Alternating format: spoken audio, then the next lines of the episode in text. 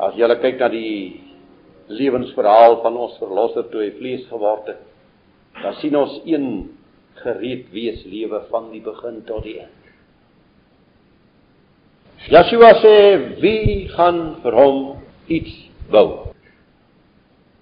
voordat hy nie alles gereed gemaak het nie, voordat hy nie alles bedink het nie, voordat hy nie volledig beplan het nie.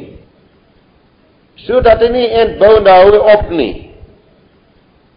Want dan sal die spotters verbykom en sê ag, sies tog die arme man. Kyk nou net. Hy het daarmee fondasie gooi verre kom hy nie. Wat 'n hartseer verhaal in 'n mens se lewe as jy nie voorberei is nie. As jy nie gereed is is nie, alles gaan bereken het nie. En daarom moet ek en jy ons lewe bereken. Ons moet die kostes bereken vir môre en oormôre. En ek moet die kostes so bereken dat ek kan voltooi wat ek beplan. Ek moet my lewe so inrig dat ek dit kan voltooi. Yeshua gee 'n antwoord. Hy gee 'n pragtige antwoord dat jy nooit sal misluk in jou lewe nie. Hy sê die sout is goed. Die sout is goed. As ek en jy dan in onsself gereed is, as ons so sout is wat smaaklik is, wat goed is, sout is van nature goed tensy dit laf word. Dan kan ek optree, dan kan ek voortgaan, dan kan ek klaarmaak, dan kan ek môre en oormôre ontmoet wat môre en oormôre gaan gebeur. Om gereed te wees is om die volle koste te bereken. As ek en jy in hierdie natuurlike lewe van ons ons kostes bereken voor die tyd, dan sal ons aanderkant uitkom met ons beplanning. Wie van julle bou ligkastele? Niemand nie. Niemand van julle nog 'n ligkasteel gebou nie. Is daar mense wat ligkastele bou? Hulle val gewoonlik in mekaar. Hulle staan nie lig, hulle is nie, hulle het nie fondasies. So moet maar die ligkastele bou nie. Gaan bereken die koste voluit.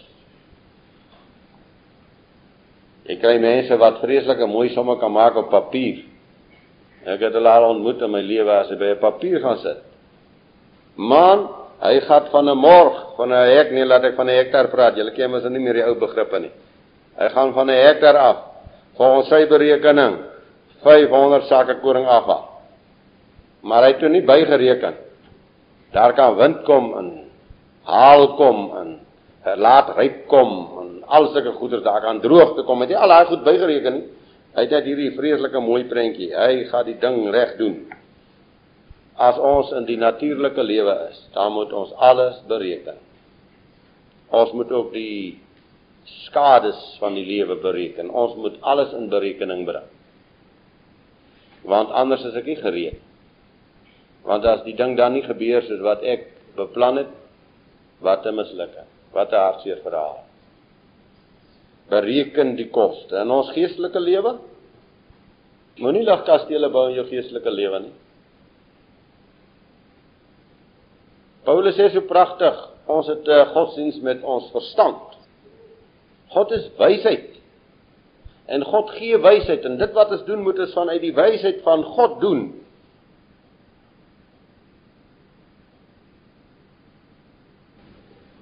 Ons Vader, baie dankie. Dat U uit U woord op 'n baie eenvoudige wyse vir ons waarsku en vermaan en bemoedig. Dankie dat U aan die einde van die jaar se dinge vir ons kom sê moenie tot stilstand kom nie. Moenie ophou bid en ophou Bybel lees. Moenie ophou stilte tyd hê nie. Wees gereed wees elke dag gereed. Gee vir ons genade om u stem te hoor. Nie net hier in die erediens nie, maar elke dag op ons lewenspad, voortdurend u stem te hoor en gehoorsaam te word. Baie dankie. Ons kan vir u vertrou want u sal ons nooit in die steek laat nie. En vir al dis alles wat ons moet in voorberei dat ons weet in in u genade, uit u genade, deur u genade gee u vir ons alles wat ons nodig het tot die vuurtjie waarmee ons die vuur moet maak. En ons dank u daarvoor. In die Messia naam. Amen.